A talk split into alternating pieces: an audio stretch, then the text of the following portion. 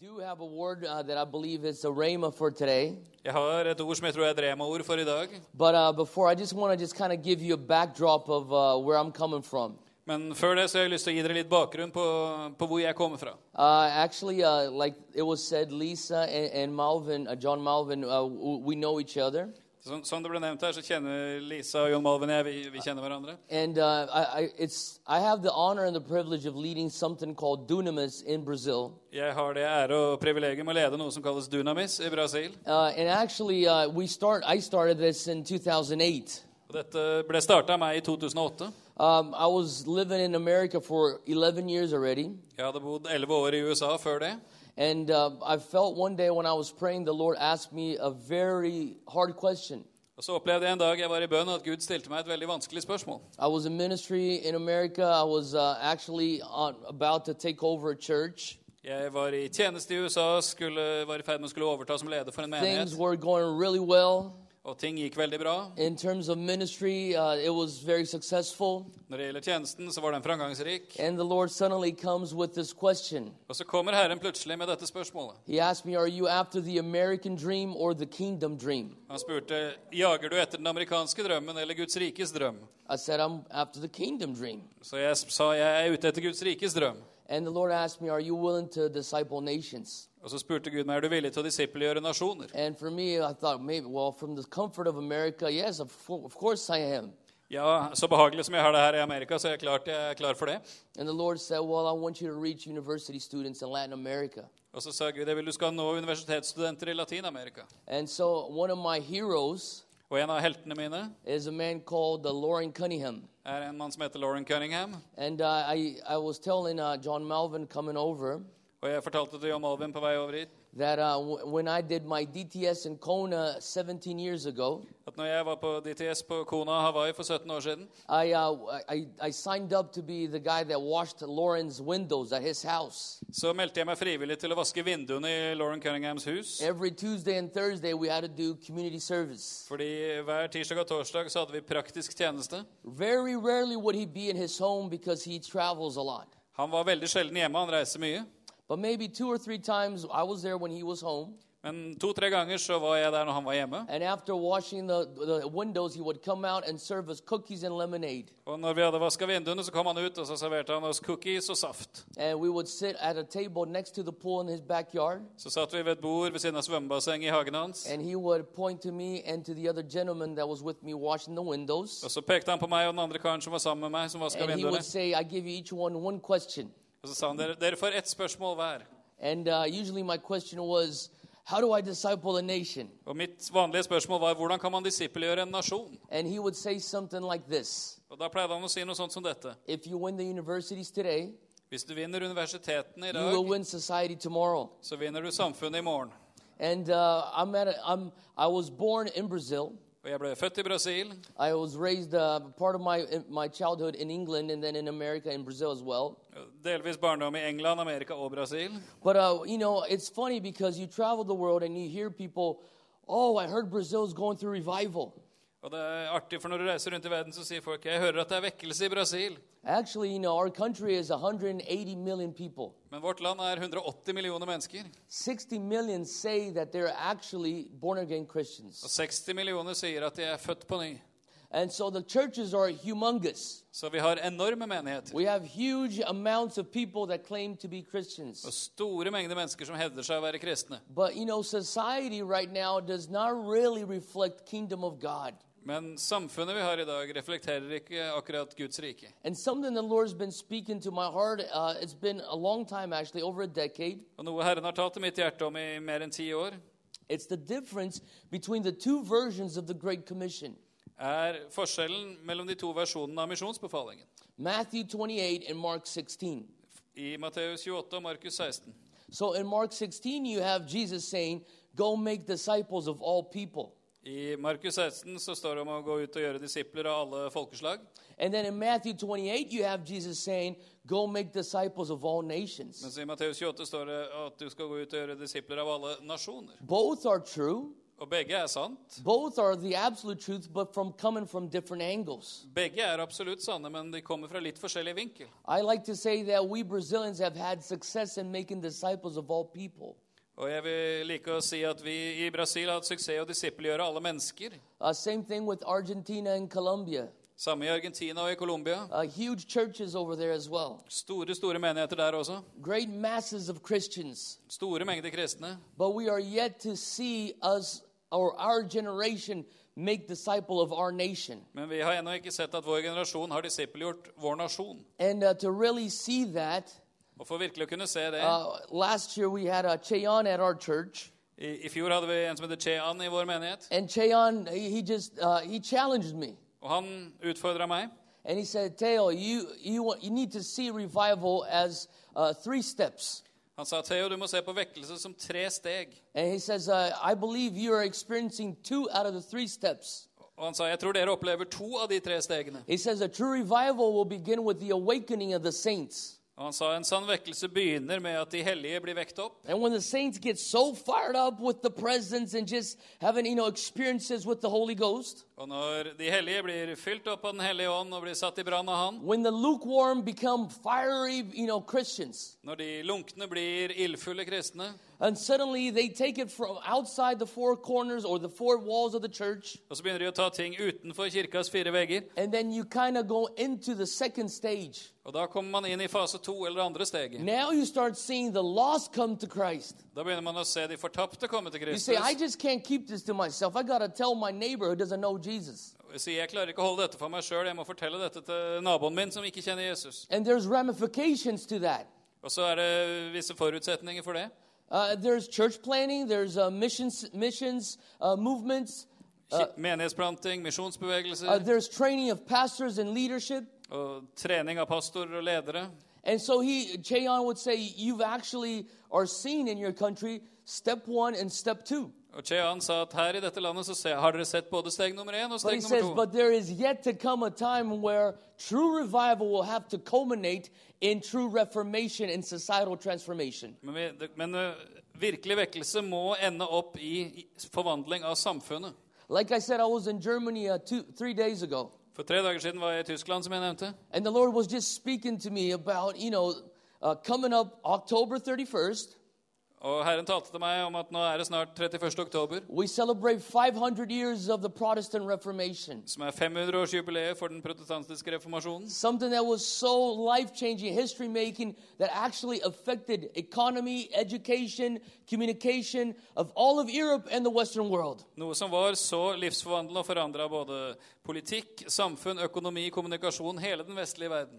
Luther and people like Zwingli, re- really reformers that discipled nations. For både Luther og Zwingli og disse andre reformatorene de disippelgjorde virkelig nasjoner. And I believe as we're coming on to the conclusion of 500 years, Og jeg tror at eh, det, det trengs en konklusjon på det etter 500 år. as we celebrated recently 110 years of Azusa Street revival, For litt siden så feira vi 110-årsjubileet for vekkelsen i Azusa Street. you know, I think we're due to see a movement of reformers actually taking revival into a social transformation. Og jeg tror at vi kommer til å få se en bevegelse av reformatorer som tar vekkelse inn i forandring av samfunnet. So, so that's burning in my heart. Og det er noe som brenner i mitt hjerte. You know, I'm all about, you know, qu- uh, quantitative growth. Jeg elsker at uh, ting vokser i antall. We're experiencing growth at our, our church in Sao Paulo. Vi opplever vekst i menigheten vår i Brasil. Dunamis is in 150 universities in Brazil and South America. Vi, bevegelsen vår er på 150 universiteter i Brasil og ellers i Sør-Amerika. But I've been challenging our, my leaders. Men jeg har utfordret lederne mine. You know, our church went from 400 people to 3,000 in four years. Menigheten vår vokste fra 400 til 3000 på fire år. But we're in a city of 20 million, São Paulo. Men vi er i Sao Paulo, som er en by med 20 millioner And, and I, mennesker. I tell my leaders, oh, this is awesome. We're 3,000 today. Og jeg sier til lederne mine det er fantastisk at vi er 3000 i dag. I said, you know what? We could even get to 300,000. For jeg sier, vet du hva, vi kan til og med bli 300 But 000. if we disappear from the city and the city does not see that we disappeared, we failed. Men hvis, hvis det er sånn at vi, om vi forsvinner fra menigheten, og byen ikke legger merke til at vi er borte, da har I'm vi mislyktes. Jeg sier ikke det at antallet og, og vekst ikke er viktig. I'm. Men vi trenger både vekst i antall, men også i kvalitet. So I'm coming here and I'm dreaming. Så jeg kommer hit, og jeg, jeg drømmer. I'm traveling Europe, and uh, it's been, you know, maybe 10 years since I've been back to Europe. Jeg har reist rundt i Europa. Det er ti år siden forrige gang jeg var her. And I feel that it was a God, uh, you know, it's God ordained that I would come right on the month of the celebration of 500 years of the Reformation. Og jeg tror det var Gud som planla jeg skulle komme akkurat denne måneden med 500-årsjubileet for reformasjonen. And I've been crying out to God, God, just give me the politicians to disciple. Og jeg ropte Gud, Gud, gi meg politikere og disippelgjøre. Give me the filmmakers to disciple. Gi meg filmskapere og Lord, would you give me the businessmen to disciple? Gi meg forretningsfolk og disippelgjøre. The social activists to disciple? Og disippelgjøre de som er aktive sosialt. Because I really believe, you know, the kingdom of God is so big, it just can't become confined within the church. For jeg tror Guds rike er så stort at det kan ikke begrenses til It just menigheten. has to pour into education. Det må bare strømme inn i utdanning, It has to pour into the sciences. inn i vitenskap.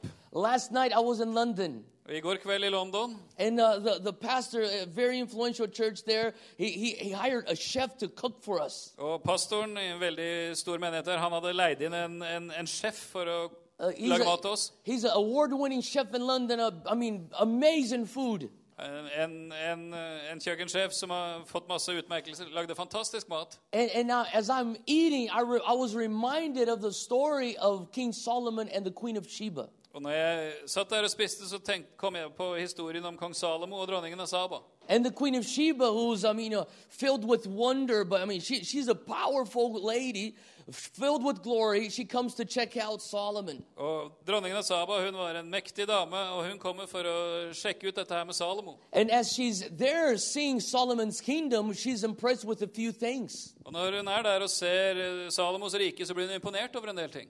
She looks at Solomon's buildings and says, Wow, I've never seen such architecture like this. Hun ser på bygningene og sier 'Jeg har aldri sett sånn arkitektur som dette'. She sees how Solomon's servants are serving, and she says, I've never seen anybody do uh, human resources like this. Hun ser hvordan tjeneren oppfører seg sier 'Jeg har aldri sett noen som eh, behandler personalet sitt på denne måten'. She's saying, I've never seen anybody do management like this. Jeg har aldri sett noen styre og regjere på denne måten. She looks at the, the servants' clothes and she says, I've never seen fashion like Hun this. ser på klærne til tjeneren og sier 'Jeg har aldri sett sånn mote som dette her'. She even goes far as to say, as she's eating, I've never seen food be served like Og this. hun sier når hun spiser at 'Jeg aldri fått mat servert på denne måten før'. And as I'm sharing this, I stopped my message and I pointed to the chef.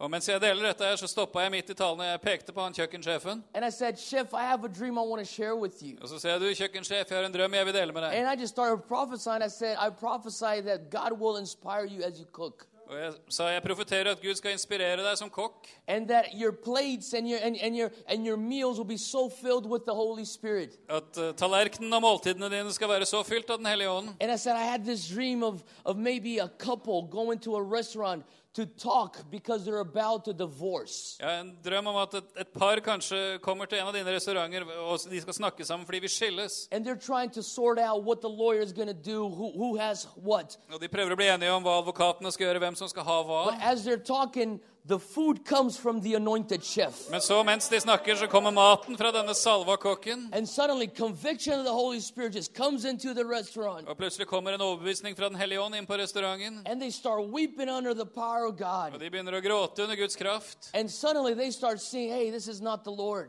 Og så begynner de begge å skjønne at dette er We're ikke going Gud. Vi skal ikke skilles. I said, I have a dream that, you know, sons, you know, I, we hear the prophecy of Joel.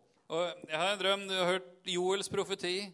And, and the heart of the fathers will be turned to the sons, and the heart of the sons will be turned to the father. At fedrenes hjerter skal vendes til barna, og barnas hjerter til fedrene. What if the sons would actually have their heart towards their father and the fathers towards their sons over an awesome meal in a restaurant? Hva om ikke fedrenes hjerte blir vendt til sønnene, og, og motsatt over et måltid i en, i en bra restaurant?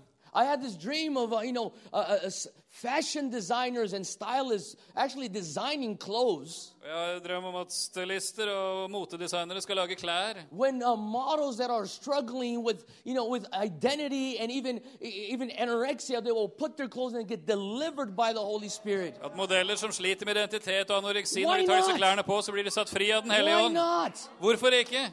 And so I'm, I'm actually thinking, Lord, we need to start dreaming like that. Og jeg tenker Gud, vi må begynne å drømme på den måten her. These are dreams of reformation. Dette er reformasjonsdrømmer. Gone are the days where we feel like the most spiritual thing to do is step behind a pulpit. Og nå er det slutt på den tida at vi tror at det mest åndelige vi kan gjøre, er å stå i en talerstol. Dr. Peter Wagner, who's gone to be with the Lord, right before he left, was writing in certain, certain documents saying that out of 20 Christians, only one will actually serve the Lord behind the pulpit. Dr. Peter Wagner, som har gått hjem til Herren, han skrev i noe av det siste han skrev at av 20 kristne så er det bare én som kommer til å gjøre tjeneste i en talerstol.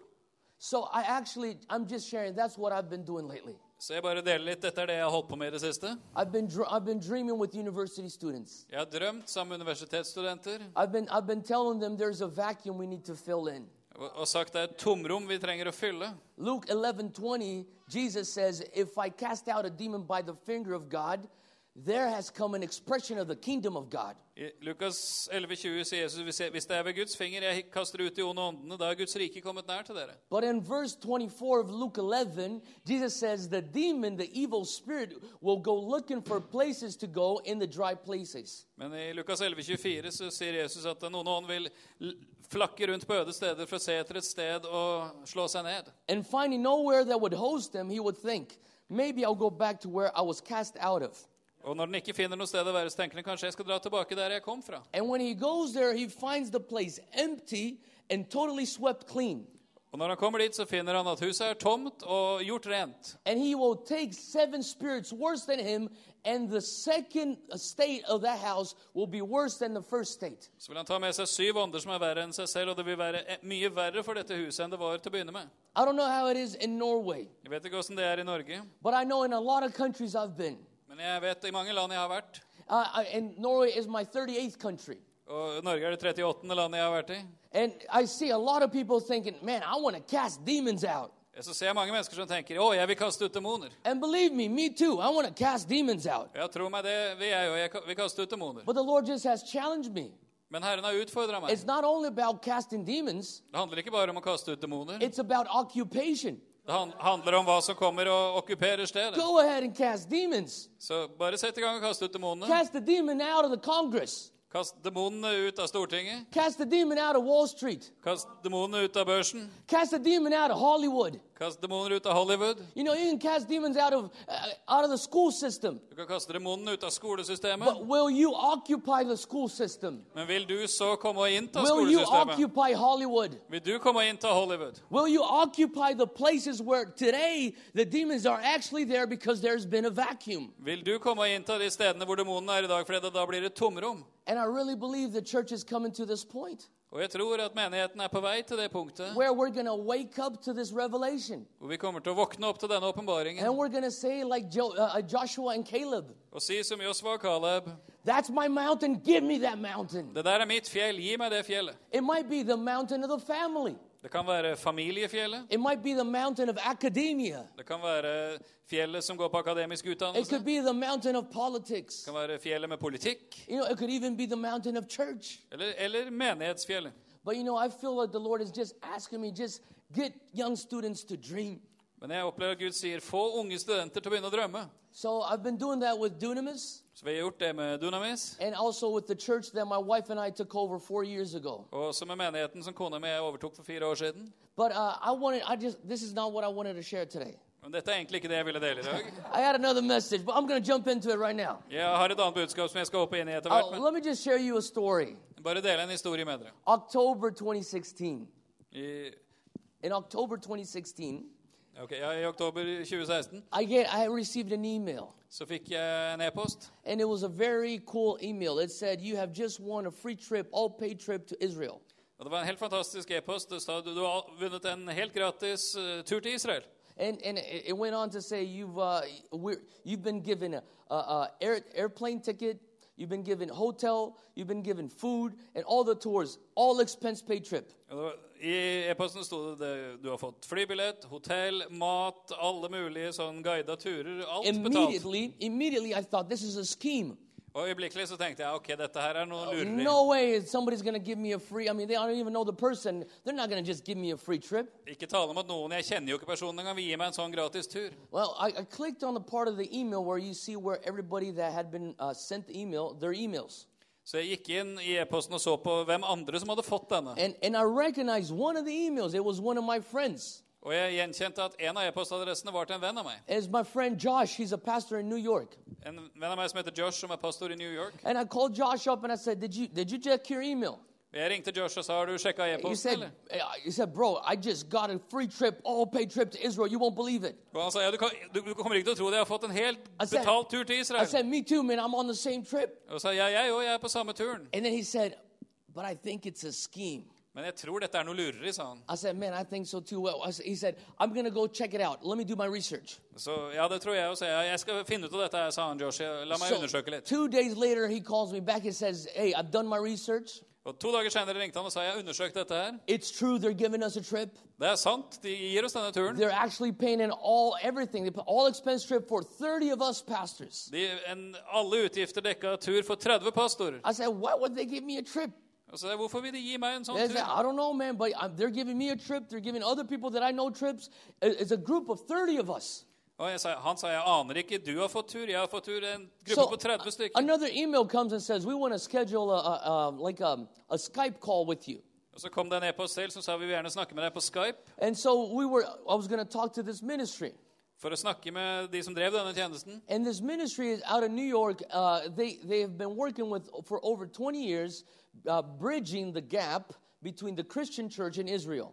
Jo, og dette er en tjeneste ut fra New York som i 20 år har jobba med å bygge bro mellom Israel og kristne menigheter. Now, I have never been to Israel before in my life. Jeg har aldri vært i Israel før. And, and so uh, he's this pastor, or the, the, the gentleman on the other side who's telling me about the trip, who gave us the trip, is talking to me. Så jeg snakka på Skype med denne mannen fra denne tjenesten som hadde gitt oss And- denne turen, uh, og han fortalte om turen. Him? Og så spør jeg ham hvorfor vil du gi alle oss en gratis tur. He said. He said, uh, Well, we no. Så sa han, fordi vi ser at den oppvoksende generasjonen av amerikanske kristne de verdsetter ikke Israel. You know, so, uh, sociologists call, call our generation the, the millennials. Og Sosiologene kaller oss for altså, millenniumsgenerasjonen. And uh, even though you don't think you're millennial, just say, Yes, I'm, I'm young and I'm a millennial. Og Hvis ikke du tenker at du tilhører den generasjonen, så si jo da, jeg er ung, jeg tilhører millenniumsgenerasjonen. And, and so they says the millennials in America they don't care about Israel anymore, and and we want to take you out. You guys are leaders, and you speak to to, to young people. We want to show you Israel. Så han sa at unge mennesker de, de har ikke noe forhold til Israel i dag, og dere er ledere som taler til unge mennesker, så vi vil ta dere med og vise dere Israel. And as we're talking, I kind of start understanding that they they somebody gave them a big chunk of money to do this. Og mens vi snakker, så skjønner jeg at det er noen som har gitt disse her masse penger for å gjennomføre dette. In this ministry, basically, they were the curators, and they picked out 30 young, influential leaders to take to Israel. Så disse tjenesten de forvalta disse pengene, og de valgte ut 30 unge, innflytelsesrike ledere for But å ta dem I'm med til Israel. talking, I realize it's for American leaders. Men når jeg, når jeg snakker med han, så skjønner jeg at dette er for amerikanske ledere. And so I think to myself, I'm going to have to tell them I'm not American. Så jeg tenker, jeg må jo fortelle han at jeg ikke er amerikaner. But then I think, but then I'm going to lose the trip. Men så tenker jeg, men da går jeg jo glipp av turen. But my conscience says you have to tell them. Men samvittigheten min sier jo du må fortelle han det. And I said, uh, excuse me, sir, I, you know I'm not American. Så jeg sier, du beklager å måtte si dette, altså, men jeg er ikke amerikaner. And he said, oh. He said, well, the investor wanted to make sure that they were all Americans. Så sier jeg, oi, men de som har investert penger ville jo være sikre på at alle var And then he, amerikanere. he paused and he says, but it's okay. You're, uh, you have an Amer- your, your ministry is, is leading here in America. Så sa han, men det, men det er greit, for tjenesten din, dere, dere har jo en avdeling i Amerika også. Uh, excuse me, sir, I'm actually uh, based in Brazil. Jeg beklager, men altså, vi, vi holder til i Brasil. And he looked and he said, Oh, that was a mistake then from our part. Så han, å, ja, dette her var en tabbe fra vår side. Da, And so immediately I knew I, I missed the whole trip. I thought I had gotten a trip, but I don't have one anymore. Så da visste jeg at nå gikk jeg glipp av denne turen som jeg trodde jeg hadde fått. But then he says, uh, You know what? I gave you the trip already. You might as well come with us. Så jeg sa, ja, ja, men nå har jeg jo sagt du skulle få turen, så du får bli med likevel. So 29 young American pastors and one Brazilian pastor goes to Israel, Så 29 unge amerikanske pastorer og én brasiliansk pastor drar til Israel. all paid for. Alt betalt. So we show, and so we just show up at the airport, Så vi møter opp på flyplassen, and uh, we get there, and all these pastors, you know, some of these guys, I've actually read books from them, og vi samles der, og noen av disse pastorene har lest bøker Og... and some of them have been, really encouraged by their messages. So I, I was like impressed. I'm, wow, we're gonna get to go to Israel together. Og jeg har blitt oppmuntra av budskapene deres. tenkte, oi, jeg får reise til Israel med denne gjengen her. And everybody's like, I thought this was a scheme. Og alle sammen sier jeg trodde dette var lureri. So we finally get on the plane and we get to Tel Aviv. Så vi setter oss på flyet, og vi kommer til Tel Aviv. And when I get there, I, I realize, you know, I want to make sure that I get to meet all these young pastors. Så når vi kommer dit, så tenker jeg jeg må jo bli kjent med alle disse unge pastorene. So every meal, I try to sit with a different pastor and get to build relationship. Så ved hvert måltid prøver jeg å sette meg med forskjellige av disse her for å bygge relasjoner. So in our fourth meal, I mean, I'm, I'm sorry, our fourth day, um, I, I go down for breakfast at the hotel where we're staying. Og den fjerde dagen så går jeg ned til frokost på hotellet som vi bor på. And there's uh, this gentleman in front of me. His name is Samuel, and he's a pastor in the south of America. Eh, og det sitter en kar sammen med som heter Samuel, som er pastor i det sørlige USA. And as we're eating breakfast, our guide comes in and he's going to tell us what we're going to do today, like the, the, the program for the day. Og mens vi sitter der, kommer guiden inn for å fortelle oss dagens program. And he goes, Guys, we're going to, we have something really special for you today. Han sier, Kare, vi har noe veldig spesielt for dere i dag. In the morning, we're going to go to the Jordan River. Nå på formiddagen skal vi til Jordanelva. And if you guys want to be baptized again in the Jordan River, you can get baptized again. Og hvis dere har lyst til å bli døpt på nytt i Jordanelva, så kan dere det. And then we're going to have to go really quick because tonight we have dinner in Jerusalem. Og så må vi skynde oss derfra, for i kveld skal vi spise middag i Jerusalem. So immediately when he says that, my friend Samuel starts crying. Og øyeblikkelig, når han har sagt det, så begynner da min nye venn Samuel å gråte. Og han spiser frokost like, oh. og, og gråter. and I'm thinking, man, this guy is so spiritual. Og jeg tenker, oi, han her er skikkelig åndelig, altså. He's feeling the anointing at breakfast. Han kjenner salvelsen under frokosten. Well, I, I thought, I'm so carnal. I only think about caffeine. And he's thinking about the Holy Spirit. Og jeg tenker, oi, jeg er jo så kjødelig, jeg tenker bare på kaffen, og han tenker på Den hellige ånd. Well, the thing is, our guide, Aviad, he's an Orthodox Jew, does not believe Jesus is the Messiah. Og, og guiden vår, han var ortodoks jøde, han tror ikke at Jesus er Messias. Uh, he says, amazing guy. He says uh, he, uh, he actually also works for the Mossad, the secret police. Og han jobber også for Mossad, altså det hemmelige politiet i Israel. And every uh, I became good friends with him because those guys, you have to be friends with those guys. Og jeg ble god venn med han, for du må holde deg inne med de gutta der. And I would always ask him, how many people have you killed? Så jeg spurte han alltid, hvor mange har du drept? And he would just go, hmm, hmm, hmm. Og han sa bare, never told me. han sa aldri hvor mange. so Aviad says, guys, you got to run up quick, grab your a piece of uh, a pair of shorts, meet us at the bus. Så guiden sier, nå må dere løpe på rommet, hente badebuksa og møte oss ved bussen. Now we're 30 young pastors, average age 30 years old. Så vi er 30 unge pastorer, gjennomsnittsalder på ca. 30. And, but I mean, nobody has their wives, their kids. Nobody has anybody from their congregation. We're just there by ourselves, Ingen har med kone og barn, noen fra menigheten. Vi er der hver for oss. and we're super excited because we're going to go get baptized where Jesus was baptized in the Jordan. Og vi er så begeistret vi skal få reise og bli døpt der Jesus ble døpt i Jordanelva. So Aviad is, you know, the tour bus has the microphone, and he says, "Guys, before we go, I have a question." Og guiden uh, om bord på bussen han tar mikrofonen og sier ok, før vi drar, så har jeg et spørsmål. And he says, uh, "Where do you guys want to go uh, in the Jordan? We can go to like the place where all the tourists goes." They have stairs, yeah, you know, they, they, they have like a, a locker room, and you can get pictures like Disneyland. Or we can go, I'm sorry, Eh, Vi kan reise dit, for alle turistene drar. Der er, der er trappetrinn ned i elva, det er garderobe du blir tatt bilder av, akkurat som på Disney World og sånn. Or we can go to the place where Jesus was actually baptized. It's muddy, it's cold, it's ugly. Where do you guys want to go? Eller vi kan dra dit Jesus faktisk ble døpt. Der er det gjørmete og litt kaldt og sånn. Hvor har dere lyst til å dra hen? And all 30 of us were like, we're going to go to the muddy waters. Da vi- Alle, alle 30 sa vi drar til gjørma. And he's like, all right, let's go. Ok, da drar vi dit, sa han. And, and uh, I, before we started going, I said, hey, Aviad, I got a question. Så sa jeg til guiden før vi dro jeg, jeg har et spørsmål. See, I've never been to Israel before. Jeg har aldri vært i Israel før, And I have a lot of friends that have. men jeg har mange venner som har vært i Israel. And sometimes they would tell me stories like, oh, people go to Israel Og noen ganger forteller de historier om at folk drar til Israel. And, and, and, they, and the guides will say, Oh, this is the place where Jesus fed the 5,000. He multiplied bread and multiplied fish. And, and, and then people start crying.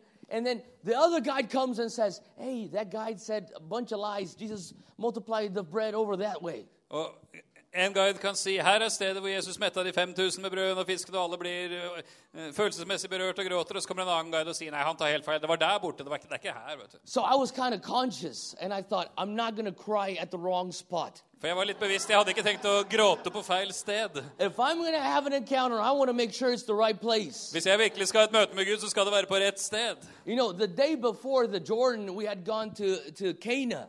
Og fordi Dagen før besøket i Jordanelva så hadde vi reist til Kana.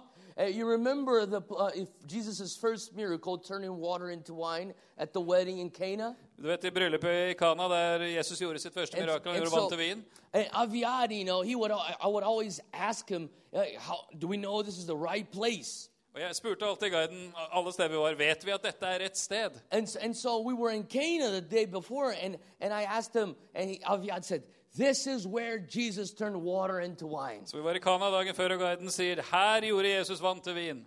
And so I said, Aviad, how do you know this is exactly where Jesus turned water into wine? Så jeg sa, Hvordan vet du at dette er nøyaktig stedet hvor det skjedde? And Aviad will say, I have a master's degree in biblical archaeology from the University of Tel Aviv. I know. Han, han sa alltid, jeg har mastergrad i bibelsk arkeologi fra universitetet i Tel Aviv, så dette vet jeg. He says 99.9% this is exactly where it was. 99,9 er vi sikre på at det var her det skjedde. I'm like, oh, okay. Ja, ok, greit, Og så begynte jeg å gråte. ja. so I was making sure I was going to cry at the right place. For jeg ville være sikker på at jeg gråt på rett sted. So I said, Aviad, how do you know we're going to go to exactly where Jesus was baptized? Så sier jeg, ja, er du nå helt sikker på, hvordan vet du at dette er nøyaktig der Jesus ble døpt? Says.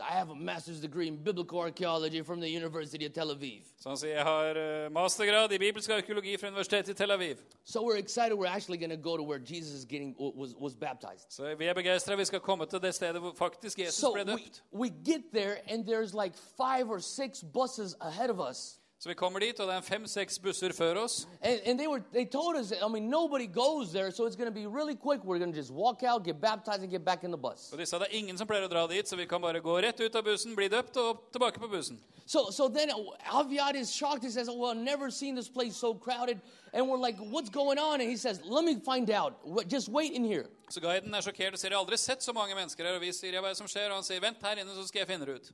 So he walks out and as he walks out we're so excited inside this bus. Og når han går ut, så er vi så begeistret der inne på bussen. You know, uh, these leaders are away from their wives, from their congregations, from their kids. So, you know, the, the, you know, the mental age has reduced to 15 years old now.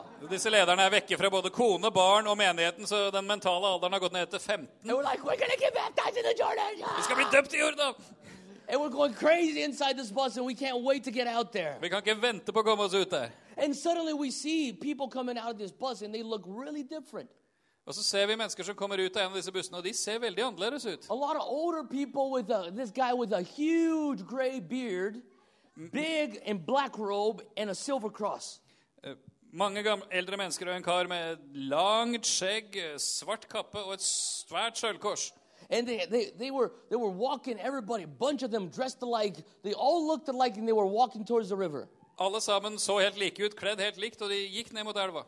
And suddenly, Aviad comes rushing back into the bus, grabs the mic, and says, Guys, you won't believe this. Og Plutselig kommer guiden løpende inn på bussen, tar mikrofonen og sier dere kommer ikke til å tro dette, karer.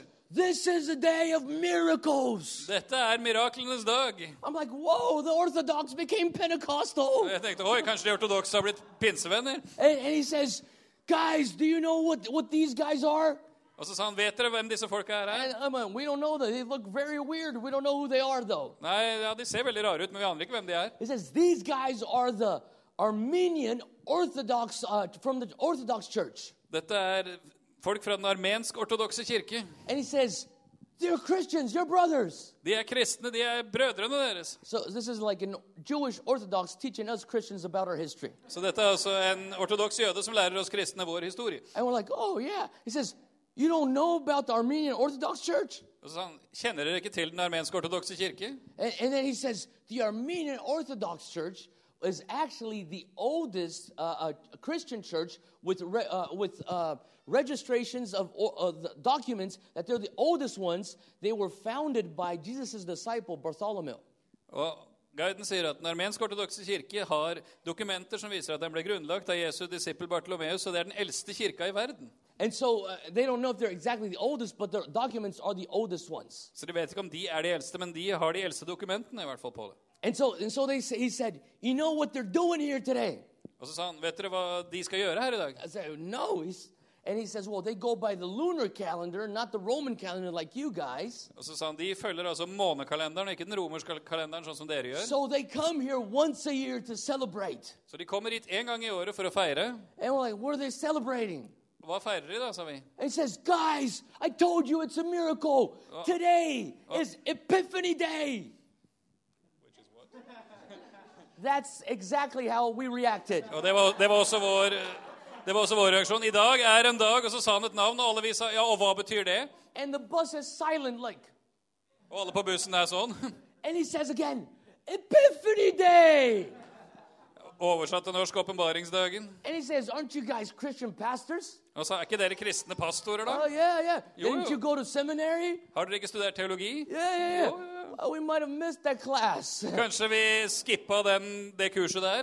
Epiphany Day, I found out about this through Aviad, is actually the birthday or the celebration of the day or the anniversary of Jesus' baptism. Og det er faktisk dagen hvor man feirer at Jesus ble døpt. So suddenly I'm saying, oh, hold up. So you're telling me that I'm right where Jesus was baptized, and coincidentally, at the same day Jesus was baptized. Så du sier altså at jeg er der hvor Jesus ble døpt, faktisk på den samme dagen som Jesus ble døpt. And then Aviad says, yes, it's a miracle. Og guiden sier ja, det er et mirakel. And suddenly, you know, the more Pentecostal people in the back of the bus are like, shut up, Så, så up." pinsevennene bak i bussen de begynte sånn som det. vet du. Så, And you know, we even had some, you know, uh, traditional, non, uh, like denominational people in the bus as well. men det var noen fra tradisjonelle kirkesamfunn på bussen også. Like, you know, my friends, the Presbyterian pastors. Uh, par venner som var presbyterianske And, and they were super excited as well. Og de var også begeistra. So they went, whoa. Så de sa åh. And, and, and we started running to the river. Så vi begynte å løpe ned mot elva. And so when we get to the river, I say, I'm the first one to go down. Så når vi kommer ned til elva, så sier jeg jeg er førstemann uti. And so we had one of the older pastors. He was going to baptize all of us. His, his name is Pastor Rusty. Så en, av- en eldre pastor som heter Rusty, han skulle døpe oss andre. And, and I said, Pastor Rusty, I'm, I'm first one. Så jeg sa Rusty, jeg er førstemann uti. So we get in the water, and the water is so cold. Vi går ut i vannet, og det er så kaldt. And, and, and then we're praying. Me and Pastor Rusty, all the rest of the guys are waiting at the banks. Så vi ber der ute i vannet. Pastor Rusty og jeg, And de I'm andre venter på bredden. Uh, Og jeg rister. and I'm thinking, it's the anointing. Jeg tenker det er salvelsen. but it was so cold, it might be the cold. Men det var så kaldt, så det var nok kulda. And so I'm thinking, uh, you know, but seriously, the anointing was there. Men salvelsen var helt klart der. You could just sense there was something happening in the air. Det var noe som var i atmosfæren der. And, and, and then suddenly, I just, I just, we started praying, Pastor Rusty and I. And I said, Lord, mark this moment. Så vi begynte å be pastor Rusty og jeg, sa Gud, merk dette tidspunktet. And so as we're praying, he says, You know, I'm going to baptize you, and I'll baptize you in the name of the Father, in the name of the Son, and of the Holy Spirit. Og han sa, jeg skal døpe deg, jeg skal døpe deg i Faderens, Sønnens og Den hellige ånds navn. And I went down, boom, under the water, and then I'm like, Oh, it's going to happen. I come up, I'm, Where's the dove? Og jeg kom ned under vannet, og så kom jeg opp igjen og sa, hvor er duen? No dove. Men det var ingen due. But I sensed the presence of the Holy Spirit so strong. Men jeg kjente Den hellige ånds nærvær så sterkt. And I walked out of the water, Og jeg kom opp fra and vannet, I was weeping and crying under the power of God. og jeg gråt under Guds kraft. You know, people manifest differently. Og mennesker opplever Den hellige ånd på forskjellige Some måter. jump up and down. Noen hopper opp og ned. Some cry. Noen gråter. Some lie down. Noen legger seg ned. people just shake. Noen rister. Some laugh. Noen ler. I'm the kind of guy Jeg er den typen som that if I'm really being touched by the Holy Spirit, ja, Hvis jeg virkelig blir berørt av Den hellige I'm just like this. Whoa. så er jeg litt sånn wow.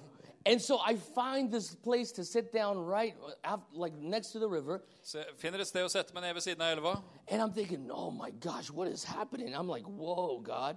Så jeg tenker oi, hva er det som skjer? Oi, Gud. And all my other buddies are going into the water and they're getting baptized. Og alle kompisene mine går ned i vannet og blir døpt. And people are just getting totally touched by the Holy Spirit. Og folk blir skikkelig berørt av Den hellige Now, ånd. we're a wild bunch of guys. Og vi er en ganske vill gjeng. I mean, we're very loud. Ganske veldig And you, høylytte. and you remember there's the Orthodox, the Armenians over there too. Og så huske at de armensk-ortodokse er der So også. I'm looking at and I, I- I see they're looking at us like, man, these guys are really wild. Og så De ser på oss med sånn liksom Oi, de her er So, ville. so this Armenian, looks like he's a, one of the leaders. He starts walking towards us. Og så En av lederne ser ut til blant disse armenerne kommer gående mot oss. into the water. Og han går ut i vannet And he gets close to Pastor Rusty. og nærmer seg pastor Rusty. thinking, man, this is go bad right now. Og jeg tenkte oi, dette blir ikke bra. And he points at Pastor Rusty Så peker han på pastor Rusty, and says, You baptize me. og så sier han 'Du skal døpe meg'. And Pastor Rusty's like, oh, is- is it legal? "Uh, okay, let's come on. Pastor Rusty sier 'OK, kan jeg det?' 'Ja, OK, kom igjen'. And so he goes, I baptize in the name of the Father, the Son, and the Holy Spirit. Boom! Og han sier 'Jeg døper deg i Faderens, Sønnen og Den hellige ånds navn', og under menn. This old, you know, Armenian Orthodox comes up. It's like, Og denne gamle Suddenly, armensk-ortodokse fyren kommer opp, og han roper i tunger. all the Orthodox come to the water. You baptize me. Og alle de ortodokse kommer og sier 'Du skal døpe meg'. And Pastor Rusty's like, oh, and he goes, hey guys, I need some help. Come back. Og, og Så pastor Rusty han sier 'Karer, kom tilbake, jeg trenger litt hjelp her'. All the young pastors are back in the water baptizing these Orthodox people. Så alle, past alle de unge pastorene kommer ut i vannet og døper disse ortodokse. They're getting filled with the Holy Spirit. Og de blir fylt med Den hellige ånd. And I'm at my corner like, whoa. Og, og jeg er i mitt eget hjørne og bare Åh! There were even Koreans. You know, Koreans are everywhere in the world. Det var til og med koreanere. De er jo overalt. Anywhere there's anything about Jesus, there's Koreans there. U- Uansett hvor i verden det er noe som handler om Jesus, så finner du koreanere. The Koreans start coming towards us. They're like, "I'm not saying oh, Så koreanerne kommer og sier "Jo, ja, ja, ja." and, Man, we're baptizing the Koreans. I'm not. I'm in my corner like, whoa. Så vi, så vi døper alle disse koreanerne. Altså ikke jeg, for jeg sitter i mitt hjørne og bare wow. And it's becoming like this Holy Spirit fest. Og så dette blir sånn helligåndsfest. And suddenly Aviad comes in and says, guys, we got to get back in the bus. Og så plutselig kommer guiden og sier nå må vi tilbake på bussen. so we start going back to the bus and we're crying, we're weeping, we're laughing, we're hugging each other. Så vi begynner å gå tilbake til bussen. Vi gråter og vi ler og vi klemmer hverandre. We have muddy water. Vi har eh, skittent vann på oss. And so we get into the bus. Så vi kommer oss på bussen. Now, I have another story to tell you because I love stories. Jeg skal fortelle en historie til, for jeg elsker historier. March 2016, I mars i 2016 I'm finishing one of the services at our home church. så avslutter jeg en av møtene i hjemmenigheten vår. And this young couple comes up and says, Pastor, uh, we need to talk to you. Så kommer et ungt par fram og sier 'Pastor, vi må snakke med deg'. He says, uh, Do you know what's happening next month? Vet du hva som skjer neste måned, sier de. I said, uh, What do you mean next month? Hva mener dere med neste måned? There's this thing called Azusa Now happening next month, April 2016. Og I april 2016 skal det være noe som heter Azusa Now. Have you guys heard of Azusa Now? Har du hørt om Azusa Now? Okay. So this couple says, Pastor, we need to get a group of together of our church and we need to go. Så de sier, 'Pastor, vi må samle en gruppe for menigheten og reise på det'. Now, we had just had our, our first son. He was three months old. And I'm thinking, man, it's too much work. I said, you know, I, I knew about it, but I don't think I'm going to go. Så vi har akkurat fått vår første sønn. Han var, han var tre måneder gammel. Jeg sa ja, jeg har hørt om det, men jeg, jeg tror ikke jeg skal reise. And this, this couple said, no, we have to go. We have to go. Og dette paret sier ja, men vi må dra, vi må dra. And so I said, you know, because I knew what my wife was going to say. So I said, let me go ask my wife. For jeg visste hva kona mi kom til å si, så derfor så sa jeg la meg gå og spørre kona. Because I knew my wife would say, no, it's crazy. We have a three month old baby. Og jeg visste kona ville si nei, det er galskap, vi har en tre måneder gammel barn. And so I say, hey, Junior, uh, you know, there's Azusa now, and um, uh, we should go. Så jeg sier til kona mi ja, du vet altså, dette er Susan Now-greiene, og hun sier vi drar. and, and so we ended up taking a baby, we go. We go to Azusa now. Så vi tok med oss babyen vår, og vi There dro was dit. like 40 people from our church. We all went together. 40 stykker fra menigheten, vi reiste sammen. So we get there 7 a.m. Is did anybody here go to Azusa now? Er det noen her som var på det? Okay. Nei. So 7 a.m. We're there in front of the stadium. Så vi, vi kommer dit. Det- Dette er noe som skjedde i USA. Klokka sju om morgenen er vi foran stadion. Everybody's supposed to be fasting, and we're going to pray the whole day inside the stadium. Alle skal være i faste, og det skal være en hel dag med bønn inne på den stadion. And, and I mean, the, everybody was there. Og alle var der. Uh, people from YWAM, uh, uh, Reinhard Bonnke, and Bethel, and IHOP, uh, Campus Crusade, Billy Graham Association. Everybody was there. Alle, alle var der. altså Ungdom i oppdrag, Bethel, Reidar Bunke, alle mulige. And so we get there, it was a powerful day. Vi er der, og det er en kraftfull dag. Since the, the beginning in the morning, uh, it, it was worship time, intercession, a short word, and then go back to more worship, intercession. And, it was just, it just flowed so beautiful the whole day. Så hele dagen så var det tilbedelse, forbønn, kort tale, ny tilbedelse, forbønn. Bare alt sammen fløt så flott hele dagen. Everybody there together just crying out for the Lord. Lord, we want you to pour out your spirit like you did in Azusa 110 years ago. Do it again. Alle sammen eh, roper til Gud og sier Gud, vi vil at du skal gjøre det samme som du gjorde i Azusa Street for 110 år siden. Gjør det igjen. It was powerful because even though it was raining, over 70,000 people showed up. Og det var en sterk eh, dag, for selv om det regna, så var det over 70 000 mennesker som kom. So you- you're talking about young people under the rain for the whole day. I mean, the rain was nonstop the whole day. Vi snakker om unge mennesker som sto i regnværet hele dagen, for det regna hele dagen And uten people stopp. worshiping and praying and just going after it. Og mennesker som tilba og ba og virkelig søkte Gud. And towards the end of the, you know, around 5 p.m., 6 p.m., Bill Johnson comes up. Og så mot slutten av dagen, sånn fem-seks på ettermiddagen, så kommer Bill Johnson på plattformen. And he has uh, maybe 30 minutes to speak. Og han har fått ca. en halvtime til å tale. So when he gets to maybe like 10 to 15 minutes, he says, I'm done. Og etter 10-15 minutter sier han nå er jeg ferdig. And, and I feel like I need to call this young prophet to come up because I think it's very symbolic that he would prophesy over this, uh, this arena.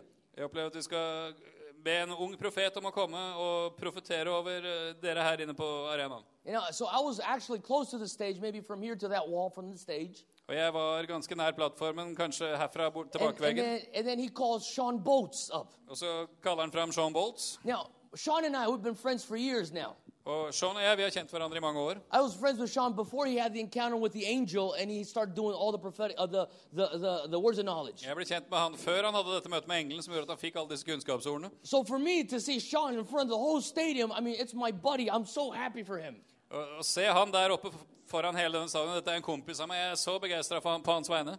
So I'm like, oh, bro, that's my, my, that's my boy right there, Sean. I'm excited. Så jeg blir begeistra og sier til ham ja, det er kompisen min der oppe. And then Sean starts going into these crazy words of knowledge in a stadium. Og han begynner å dele helt vanvittige kunnskapsord der på stadion. You know, it's one thing for you to do it like in a conference setting or like in a church setting. Det er én ting å dele kunnskapsord på en konferanse eller i menigheten, But to do it in like a football stadium or like a soccer stadium, men å gjøre det på en fotballstadion packed out. So, so he would he would give out the words of knowledge. He would say, "So and so, you were born this date. You're married to so and so. Where are you?" og Han begynte å dele kunnskap og si ja, du, du er en her som heter det og det, og du er født da og da, og du er gift med den og den. Hvor er du hen? Seventy thousand people. Everybody would get quiet, 70 000 mennesker, alle ble stille. and the person who the word was for would have to yell at the top of their lungs, Personen som ordet var til, måtte rope med full kraft. "It's Det er meg! And then everybody would cheer like somebody scored a goal. Så jubla alle som noen hadde skåra mål. Ja! So every time Sean got the word right, everybody cheered. Og hver gang når han traff på kunnskapsordene og profeterte, så jubla alle sammen. He probably went for like over 10 words that so so so specific. Og han hadde ord til minst ti forskjellige mennesker som var så konkrete og direkte. He was just knocking them one by one, bam, bam, bam, like accurate, accurate, accurate. Han traff på en etter en, en helt nøyaktig, helt nøyaktig. And I was so happy and proud of him. And I'm like, man, that's you're a real prophet, man. Og jeg var så begeistret og så stolt. Han sa ah, du er en skikkelig profet. altså. So he comes to his last word, Og så kommer han til det siste ordet han skal dele. and he says, "Is there a person called John?" Er det noen her som heter John? I'm thinking, Sean. Jeg tenker Sean. There's 70,000 people here. Det er 70 000 mennesker her. You're in America. Du er i Amerika. Of course, somebody's going to be called John. Det er selvfølgelig noen som heter John her. And then he goes, married to a Laura. Som er gift med ei som heter Laura. And he points, he says, "I- You're around here.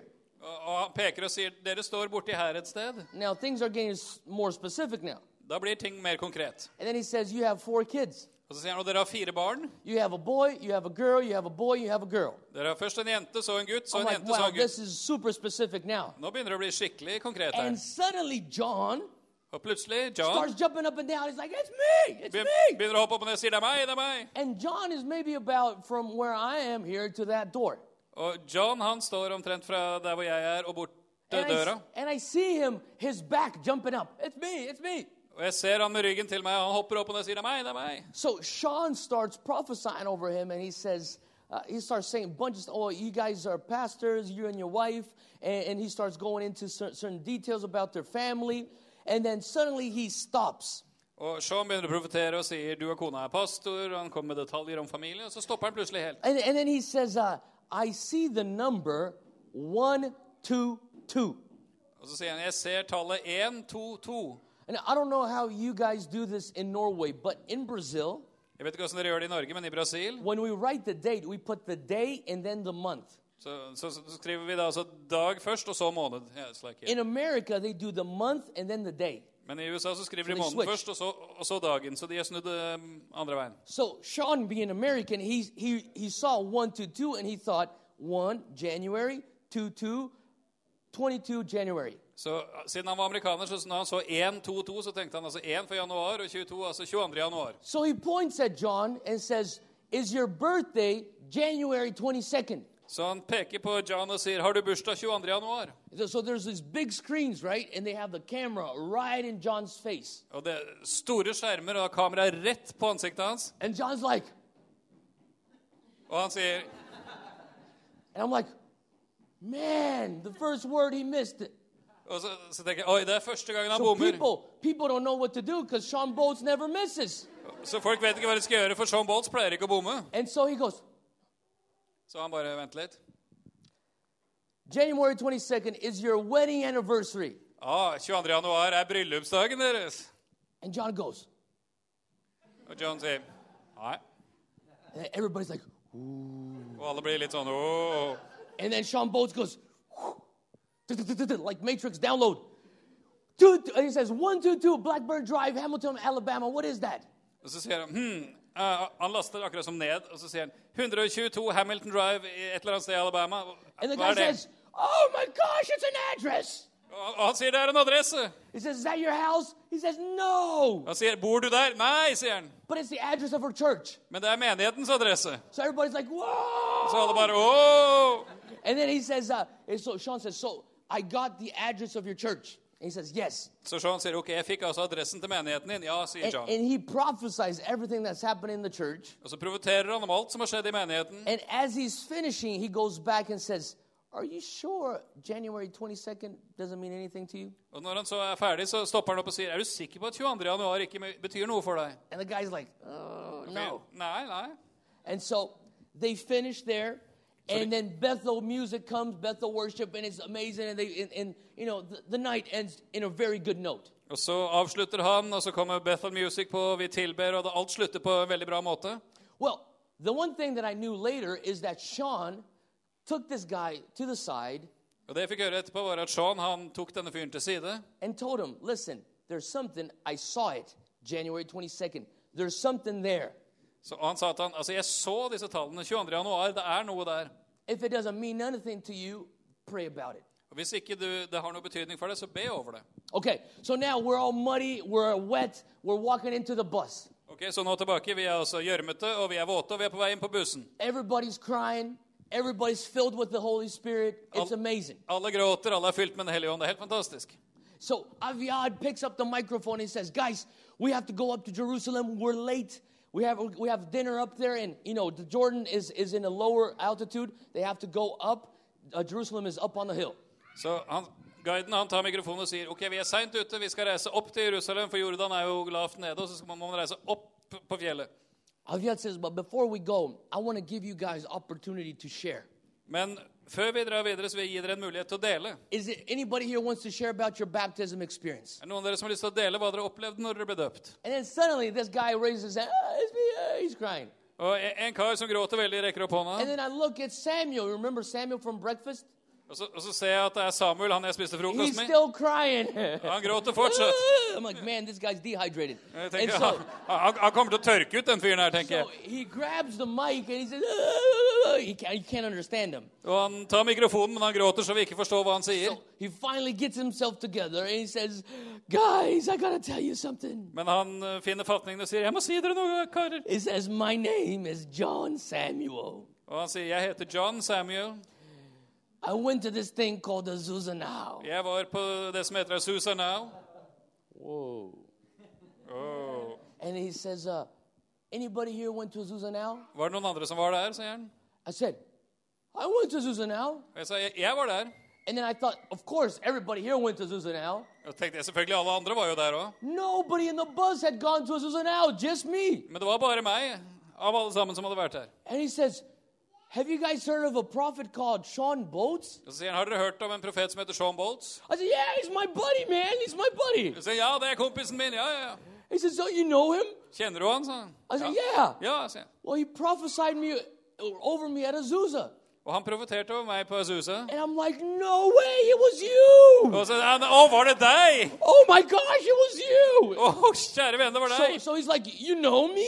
Så han, kjenner du meg? I said, I was behind you. Og jeg sa, jeg sto rett bak It's like, deg. he's like, Really? Oh, And- and virkelig, ja. it's, you know, one of those moments when you realize you were at the same place, but you never knew each other? And you're like, oh, uh," It was one of those moments. Du vet når du oppdager at du har vært på samme sted som en annen uten å møte hverandre. Så liksom, du, And, ja, and oh, everybody else is just watching us go through that moment. All right? And so, so Alle as, andre bare soon ser på at vi har det øyeblikket. as we're done with that, he says, Og når vi er ferdig med det, sier han Well, Theo can be a witness.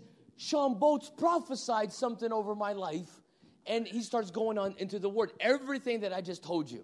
Og så sier han Theo er også mitt vitne på at Sean Bolts profeterte over mitt liv, og så alt det som jeg fortalte deg. He says, after Azusa was finished, Sean took me aside and says, You should pray about this number that I saw. Og så Etterpå så tok Sean Bolts meg til side og sa du må be over det tallet som jeg så. He says, and I started praying over it, and the more I prayed, the Lord said, Pray over January 22. Og jeg begynte å be over det. Jo mer jeg ba, så sa, sa Gud be over 22. januar. So as he's speaking and he's saying this, I grabbed my phone. Og når, når han da kommer til høydepunktet sitt, så tar I jeg tak i telefonen min, date, og jeg ser på datoen, guess what? og vet du hva? January 22. 22. januar. I'm like, and I'm like, it's January. He's like, I know. I I jeg sier know. han det der, og han sier ja, jeg vet, jeg vet.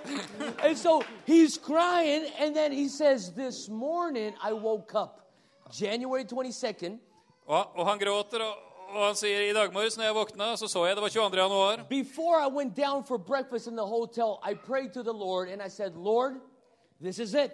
What do you have for me on the day of today?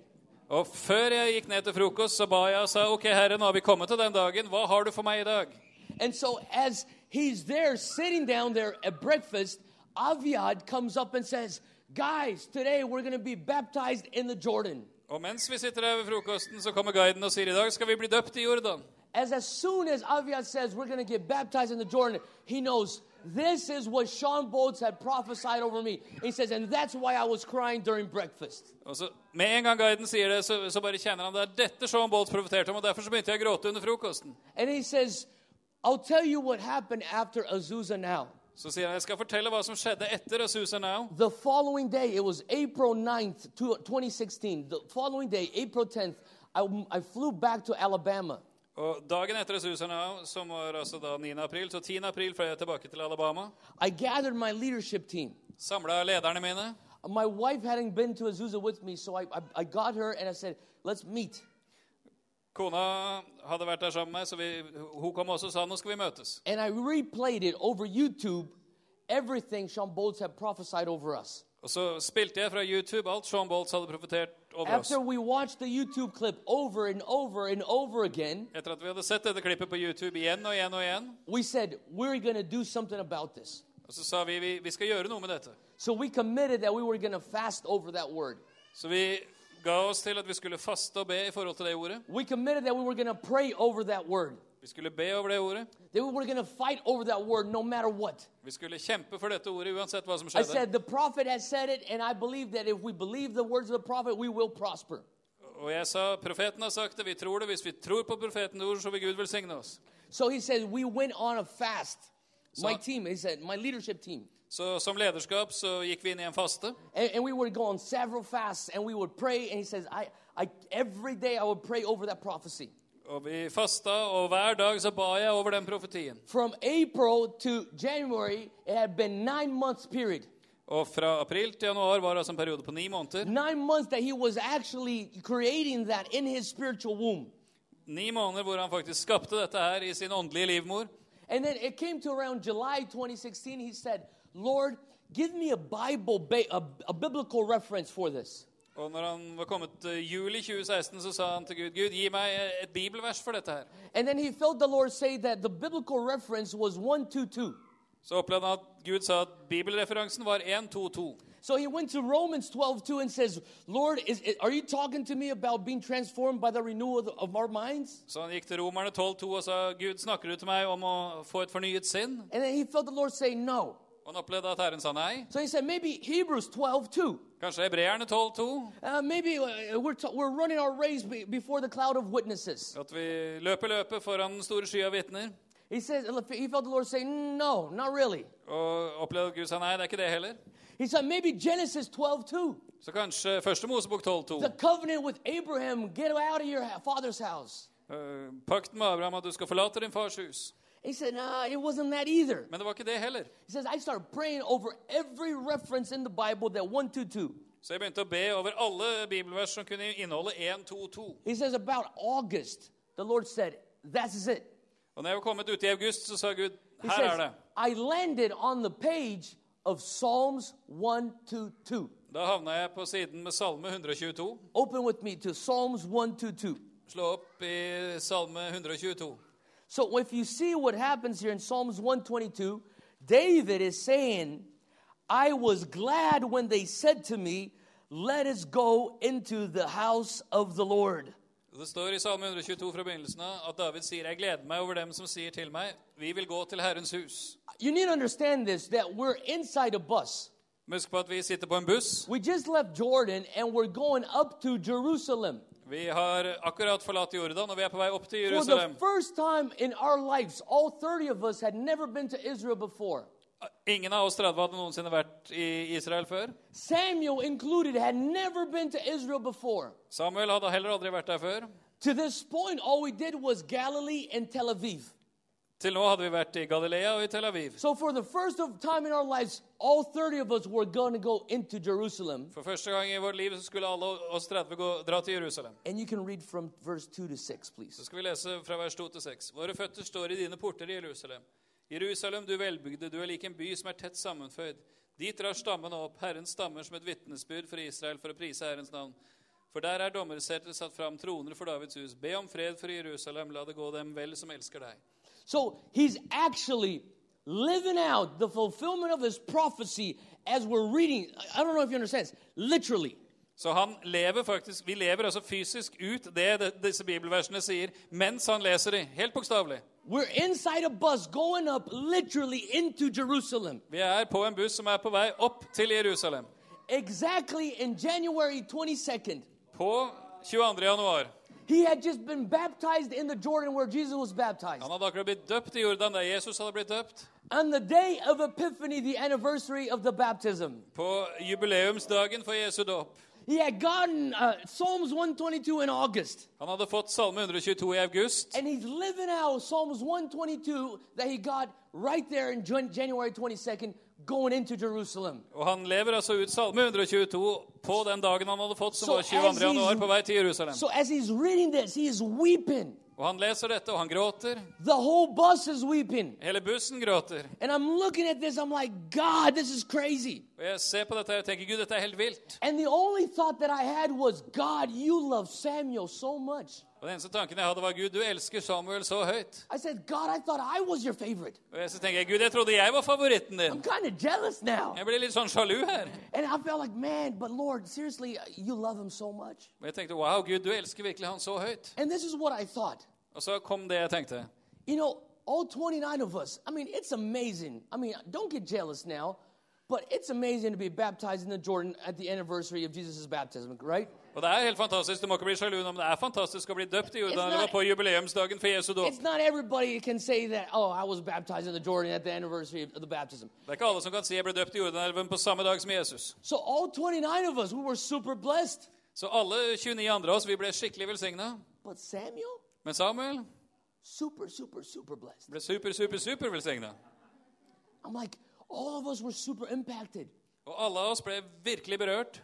And I'm thinking, Lord, but Samuel? Så tenker jeg, ja, men Gud, hva? Samuel, Oh, super, super, super impacted. han ble virkelig, virkelig, virkelig berørt. And then suddenly I heard the Lord say, no.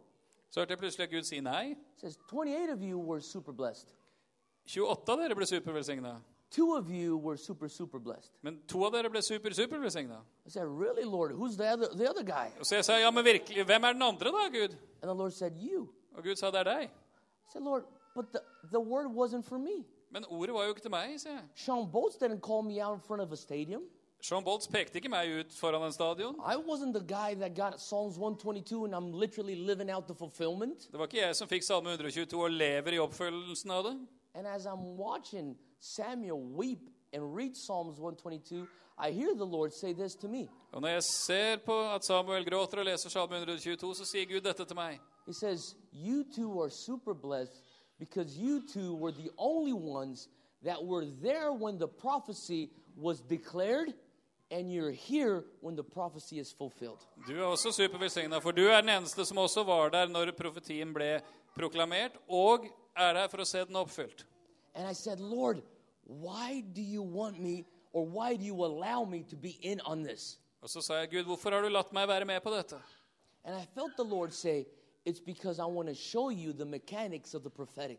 Og jeg opplevde at Gud sa det er fordi jeg vil vise deg hvordan det profetiske fungerer. I felt like it was Jesus saying, Hey, let me open the hood of my car called prophecy, and I'll show you the motor that's behind the hood. Det er som Jesus sa til meg, jeg skal åpne panseret på, på bilen min som heter profeti, og jeg skal vise deg hva, hvordan motoren fungerer. You know, I started understanding that right there in that testimony, something shifted inside my heart. Og jeg begynte å forstå at mitt der i dette vitnesbyrdet var noe som skifta inni hjertet mitt. I knew certain things in my mind, but it just went down into my heart. Jeg visste en del ting i mitt sinn, men de gikk bare helt ned i hjertet mitt. The problem when we reduce the prophetic to only future telling Og problemet er hvis vi reduserer det profetiske bare til å fortelle om framtiden, is that we automatically put ourselves in a position of only being spectators. Da setter vi oss sjøl automatisk i en posisjon av å være tilskuere. And many people have grown cynical to the prophetic words that we received Og mange mennesker har blitt kyniske i forhold til profetiske ord de har fått, fordi vi har redusert det profetiske til å være So framtidsfortelling. we go to a conference or we go to a meeting and we get this amazing prophetic word. Så vi kommer på et møte eller er på en konferanse og får et fantastisk profetisk ord. And we say, man, that was awesome. Så tenker vi å, det var fantastisk. You know what? I'm going to sit here Så jeg skal sette meg her, and I'm just going to wait, Lord, for you to j- make it happen. og så skal jeg vente Gud på at du får det til å skje. When is it going to happen? Når kommer det til å skje? One year. Et år? Is it going to happen? Kommer det til å skje? Two years. To år? You know what? Vet du hva? I think it wasn't a right prophecy. Jeg tror ikke det var en rett profeti. I don't think that guy was anointed at all. Jeg tror ikke at den fyren var salva i det hele I think that guy was probably just manipulating things. Jeg tror han bare prøvde å manipulere folk. You see, when we reduce the prophetic to only future telling, it totally puts us out of the game. For når vi reduserer det profetiske til bare å være noe som forteller framtid, så tar vi oss sjøl ut av det som skjer. I remember that night when we got into the hotel in Jerusalem, I pulled Samuel aside. Jeg husker når vi kom fram til hotellet i Jerusalem den kvelden, så tok jeg Samuel til side. I said, Sam, from April 2016 to today, January 22nd, tell me what did you do? Og jeg sa til Samuel fra eh, april 2016 og fram til i dag 20 22. januar, hva gjorde du i mellomtida? He said, I believed in it. I cried over it. I grabbed it. I fought over it. I fasted over it. I declared it over and over and over again. Og han sa jeg trodde på det, jeg ba det ut, jeg gråt over det, jeg proklamerte det, jeg trodde på det, og jeg gjorde det igjen og igjen og igjen. Proverbs 13. Ordspråkene 13. The Word of God says in Proverbs 13, verse 12, Det står i Ordspråkene 13, 12. it says, Hope deferred or hope delayed makes the heart sick. Der står det 'langvarig venting gjør hjertet sykt'. You know, many times when you've received a promise from the Lord, a word of the Lord, a prophecy of the Lord, Mange ganger når du har fått et ord fra Gud, et løfte fra Gud, en profeti fra Gud, hope arises. så stiger håpet i deg. Remember when the prophet calls you out. Husker du når profeten har pekt på deg? Remember when you're in your prayer time in you know in your own room, your bedroom or in your kitchen and and suddenly that scripture just boom pops out. Eller når du er på lønnkammeret, og plutselig så bare et skriftsted som hopper remember ut for when you're in intercession and suddenly you boom you just go into a vision. Du, du er i forbønn, og plutselig får du et syn. Yeah, I don't know if you realize, but there's hope. It just suddenly, boom, rises within you. Og plutselig så bare stiger håpet inni deg. And then you hold on to that hope, and there's one day, two days, one month, three months, one year, and suddenly you're like, Lord, when is it going to happen? Og så holder du fast ved det håpet. Det går én dag, to dager, tre dager, tre måneder, ett år, og så tenk, sier du Gud, når skal dette skje, da? Solomon says, when the hope is delayed, your heart becomes sick. Og Salomo sier at langvarig venting gjør hjertet sykt. There's another translation that says, your heart has pain. En annen oversettelse sier gir hjertet smerte. And so it's like, Lord, I can't take it anymore. I've been waiting for this so long. I just feel pain. Even just the thought of that prophetic word, I'm like, oh, hurts me. Så sier du Gud, jeg klarer ikke å vente lenger. Det gjør så vondt i hjertet bare jeg tenker på det ordet. så ah, det gjør så vondt. You know, many times you might be in that situation. I know I've been there before. Og Mange ganger så er du i en sånn situasjon. Jeg har vært der. I have prophecies over my life. I had promises, the words of the Lord. I'm like, Lord, when is it going to happen? Jeg har profetier over mitt liv, ord fra Gud. Jeg sier, Gud, når skal dette skje? Did you forget about this thing, or was it from you in the first place? Har, har du What's glemt happening det? here, Lord? Eller var det fra deg? Eller hva er det som skjer? And I felt the Lord just take me to the second part of the verse. Men da opplevde jeg at Gud tok meg til del to av dette verset. It says, But when the desire comes, or when the desire is fulfilled, it is a tree of life. Det står men et oppfylt ønske er et livets tre. And, and I felt the Lord saying, Do you get it? Og så opplevde jeg Gud sa, skjønner du dette? Tree of life? Et livets tre? Like, Lord, what, what are you trying to tell me here? Hva, hva er det du prøver å fortelle meg her, Gud? You know, I started realizing that every prophetic word, I started realizing that every dream, every word, every revelation God gives his people, Og jeg begynte å skjønne at ethvert profetisk ord, ethvert ord, enhver drøm som Gud gir sitt folk profetisk, they all come in seed form. de kommer alle i såkornsform. When you get a prophecy, he's given you a seed. Når du får et profeti, så gir han deg et såkorn. And he's saying, when it's fulfilled, it means that the seed went into the soil and finally came up as a tree of life. Og så sier han at når det blir oppfylt, så betyr det at såkornet ble sådd i jorda, og det vokste opp og ble et livets tre. But there is a process between seed form and a tree of life. Men det er en prosess fra at det er såkorn, til det blir et livets tre. You know, when you plant a seed, you just don't plant it and then you just put the dirt on top of it and say, let's see what happens. For når du sår et såkorn, så putter du det ikke i jorda, og så sparer du jord over, og så sier du OK, nå får vi se hva som skjer. You come back the next day and you put some water. Dagen etter så kommer du, og så vanner du. You come back the following day, you put some more water. Dagen etter kommer du tilbake, og du vanner. And you keep doing that over and over and over and over. Og så gjør du det igjen og igjen og igjen og igjen. I started seeing and watching Samuel, and he says, For nine months, I watered it over and over and over. Og Samuel han sa at i ni måneder så vanna jeg dette ordet igjen og igjen og igjen og igjen. I've never been to Norway in my life, Jeg har aldri vært i Norge før i hele mitt liv. never been to the city, Aldri vært i denne byen. never been to this church. Aldri vært i denne menigheten. But as soon as we landed here, Men i det øyeblikket vi landa her, I had this vision of this church full, filled with seeds. så hadde jeg et syn av hele denne menigheten fylt av såkorn. I have no clue what has happened in this church before. Aner ikke hva som har skjedd i denne menigheten før. I don't know how old this church is, Vet ikke hvor gammel menigheten er. but what I know, there's something about revival at this church. Men jeg opplever at det er noe som gjelder vekkelse for denne menigheten. Something tells me that in, in times past, there's been an abundance of prophecies over this place. Og noe sier meg at det har vært mange profetier over dette stedet tidligere tider. There's, there's been prophecies saying that this is kind of like a hub of revival in Scandinavia. Og det profetier som sier at dette er et vekkelsessenter for Skandinavia. I feel that there's, you know, even, even anointed prophets have been through this place before. At salvede profeter har vært her før. And I don't know what's happening in, in, right now, but I just felt the Lord say the seed still exists. Men jeg vet ikke hva som har skjedd, men jeg opplever Gud sier at såkornet fins fortsatt. You may not see a, a tree of life, Kanskje du, ser du ikke et livets tre, but that does not do away with the fact that there's a seed inside the soil. men det betyr ikke at det forandrer det faktum at det finnes såkorn som er planta i And. I felt the Lord say that there's some hearts that are sick tonight. Og jeg opplever at Gud sa at det er noen hjerter som er syke her i kveld. And it's totally valid for you to ask the Lord, Lord, did you forget about us? Og det er helt eh, legitimt for deg å si, Gud, har du glemt oss? Because I, I feel like maybe six, seven years ago there was momentum. For jeg opplever at for en seks-sju år siden så var det virkelig framdrift. And it felt like something was going to, and then suddenly it braked. Føltes som noe virkelig skulle ta oss, og plutselig ble bremsene satt på. And now we're questioning everything. Og nå stiller vi spørsmål ved alt We're mulig. looking around trying to find wh- wh- whose, whose fault is it? What's wrong? What happened? Where did we fail? Og vi begynner å se rundt og finne ut hvem sin feil er dette, hva, hva er galt, hvor mislyktes vi? And the only thing I saw was handful, hands filled with seeds. Og alt jeg så, var hender fulle av såkorn. And I feel the Lord brought me all the way from Brazil to encourage you today Og jeg opplever at Gud har brakt meg helt fra Brasil for å oppmuntre dere her i dag with the testimony of my friend Samuel med vitnesbyrdet til min venn Samuel. to keep watering that seed. Og fortsette å vanne dette såkornet. Do it over and over and over. Gjør det om igjen og om igjen og om igjen. You know, sometimes one, one of you is going to have to stir each other up. Og noen av dere må, må virkelig vekke hverandre opp. Open a second Peter, Slå, and I'll finish with this. slå opp i 2. Peters brev. Jeg skal avslutte der. Chapter 1 of second Peter, An- Første kapittel i 2. Peters brev, verse 12. vers 12, The apostle Peter says, sier apostelen Peter. For this reason, I will not be negligent mhm. in reminding you always of these things. Derfor vil jeg alltid minne dere om dette, enda dere alt vet det.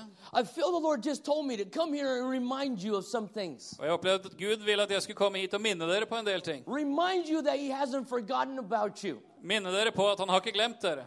Remind you that there's a forest within that seed. Og minne dere på at det fins en hel skog i det såkornet. He says, Though you know and are established in the present truth, yes, I think it is right, as long as I am in this tent, to stir you up by reminding you. Enda dere alt vet det og er grunnfestet i sannheten som er hos dere, mener jeg det riktig, så lenge jeg er i denne hytten, å vekke dere ved å påminne. The apostle uses the word stir you up by reminding you. Apostelen bruker ordet 'å vekke dere ved påminnelse'.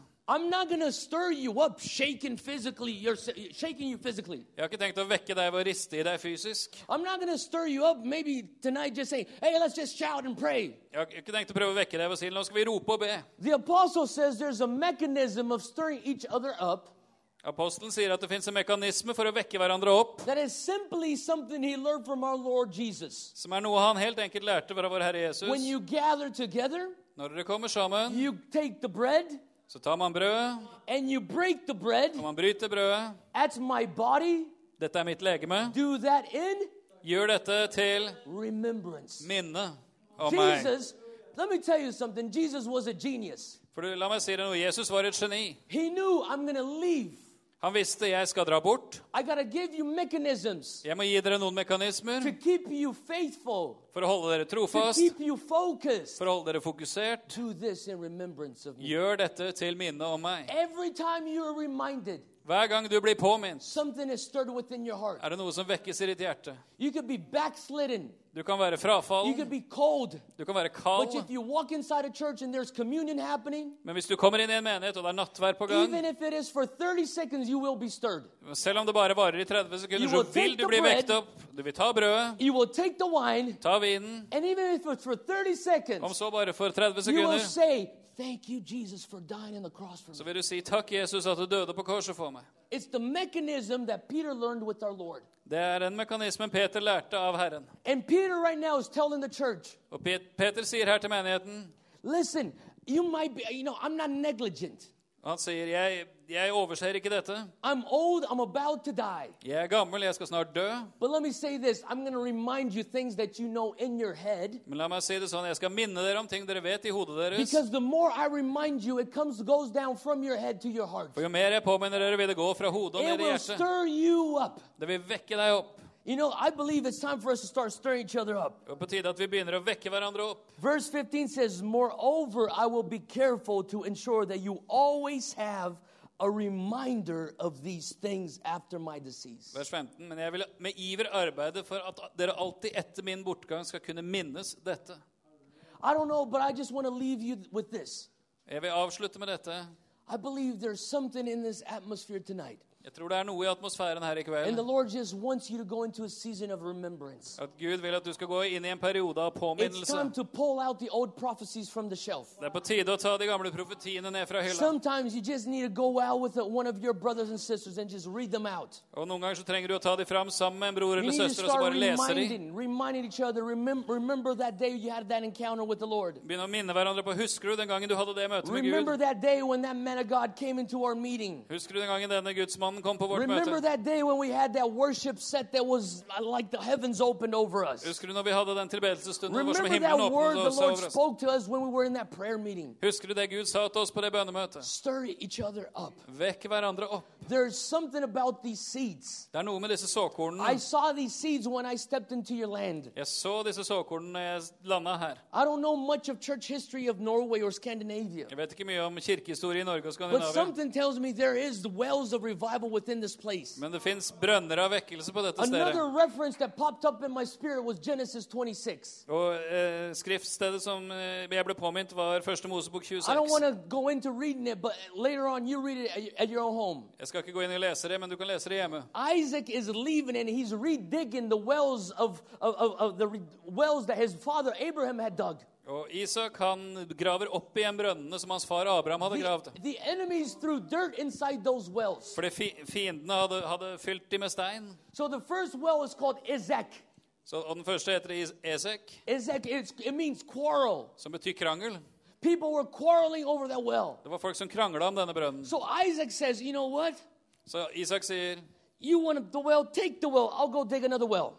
Hvis du vil ha den brønnen, så beholder du den brønnen. Jeg graver en ny brønn. He goes to the second well. Han går til den andre brønnen. He redigs it. Han graver den opp igjen. His father Abraham had dug a well before. Hans far Abraham hadde gravd denne The brønnen enemies tidligere. come in again. Fienden har kommet. They throw dirt inside the well. De fyller opp brønnen med stein. That well is called Sitna. Og den heter Sitna. So he says, okay, take the well. Så han sier OK, greit, du kan få den I'm going brønnen. for my third well now. Så jeg skal gå til den tredje brønnen And nå. he digs, redigs Rehoboth.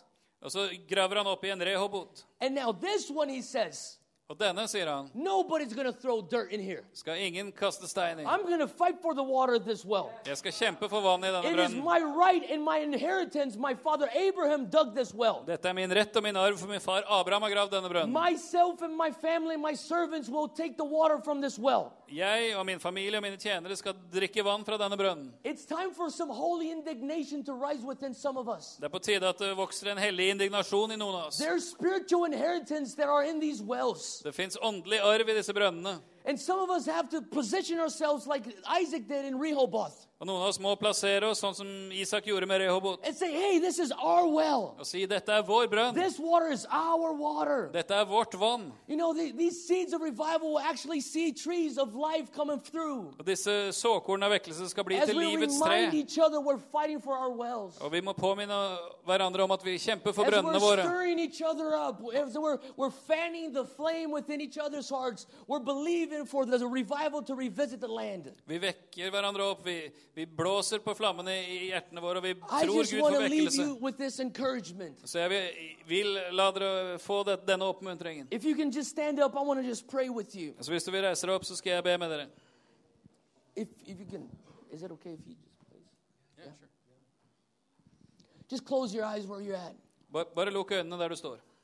I feel that there's this, there's something special tonight. Jeg opplever at det er noe spesielt i kveld.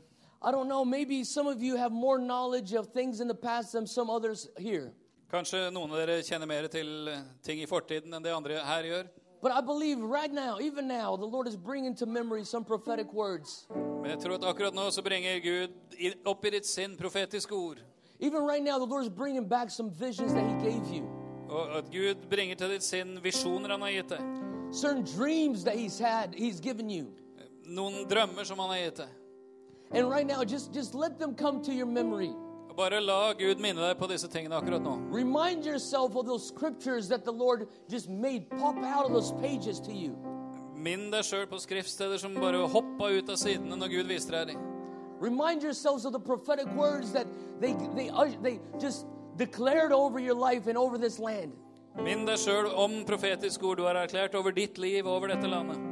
You know, some, some of us, many times when our heart gets sick, Mange ganger når hjertene våre blir syke, we, we get out of the game. så, så, så tar vi og, og går av banen. We just walk out of the pitch, out of the field. Vi bare går bort fra banen. And I just kind of saw this image of people on the sideline of a soccer field. Og jeg så et bilde av folk som sto på sidelinja av en fotballbane. And, and we're saying, Coach, put me back in. Og, og det er på tide at vi sier 'trener, jeg vil innpå igjen'. And I felt like the Lord is this, is this amazing coach. Og jeg opplevde at Herren er denne fantastiske treneren. And we're saying, Coach, I want to go back in the game. Put me back in. Og vi, og vi sier 'trener, jeg, jeg vil ut på banen igjen'. I Plasser meg promise, ut på banen igjen. I promise, Coach, if you let me back in, I'm going to run as hard as I can. Jeg, jeg lover at hvis du, hvis du plasserer meg tilbake ut på banen igjen, så skal jeg løpe så I'm, hardt jeg I'm kan. going to fight for my team. Jeg skal Put me kjempe back for, in. for teamet mitt. Plasser meg ut på banen igjen. Put me back in, Coach. Ta meg ut på trener. It's a night tonight that we say we're back in the game. I kveld så sier vi 'jeg melder meg på igjen'. Right now, right now, where you at, just say, Lord, I'm back. Akkurat nå så sier vi 'Gud, jeg er tilbake'. Lord, I'm going to continue watering these seeds Gud, jeg vil fortsette å vanne disse såkornene. over and over, Over og over igjen. Om over and over. om, og om igjen. Just raise your hands up where you're at. Ba- ba- Bare løft hendene der du står. Just express your passion to the Lord. Bare uttrykk din lidenskap for Herren. Let's just go forward right now. Let's just press in, press in. La, la oss bare trenge oss inn på Gud. I want